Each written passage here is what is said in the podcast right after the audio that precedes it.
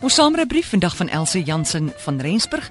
Sy sê ek het die heel lekkerste werk in die wêreld. Ek neem mense lughawe toe wat eksotiese plekke gaan besoek en ek gaan alweer mense wat terugkeer van wonderlike vakansies.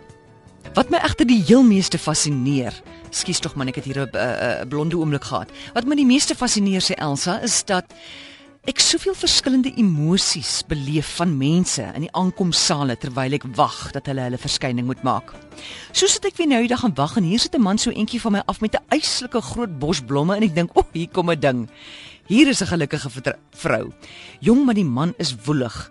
Dan staan hy op, dan loer en kyk af in die gang waar die passasiers aankom, dan gaan sit hy weer, dan spuit hy iets lekkers in sy mond en ek dink, Hier kom iets en ek wil dit sien. Op die volgende oomblik spring hy op, pyl op 'n pragtige vrou af.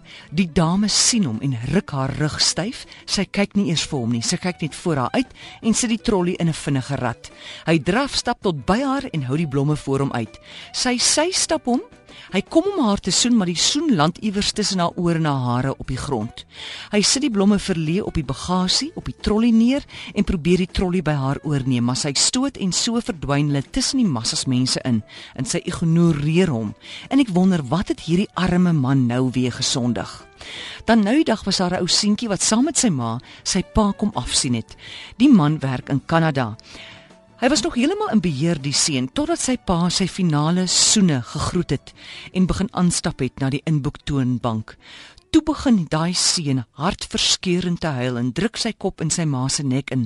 Sy tel hom op en stap in die teenoorgestelde rigting terwyl trane oor haar wange loop en die seentjie kort kort, "My pa, my pappa," met 'n uitgestrekte arm oor haar skouer roep. "Ag, dit het my so hartseer gemaak."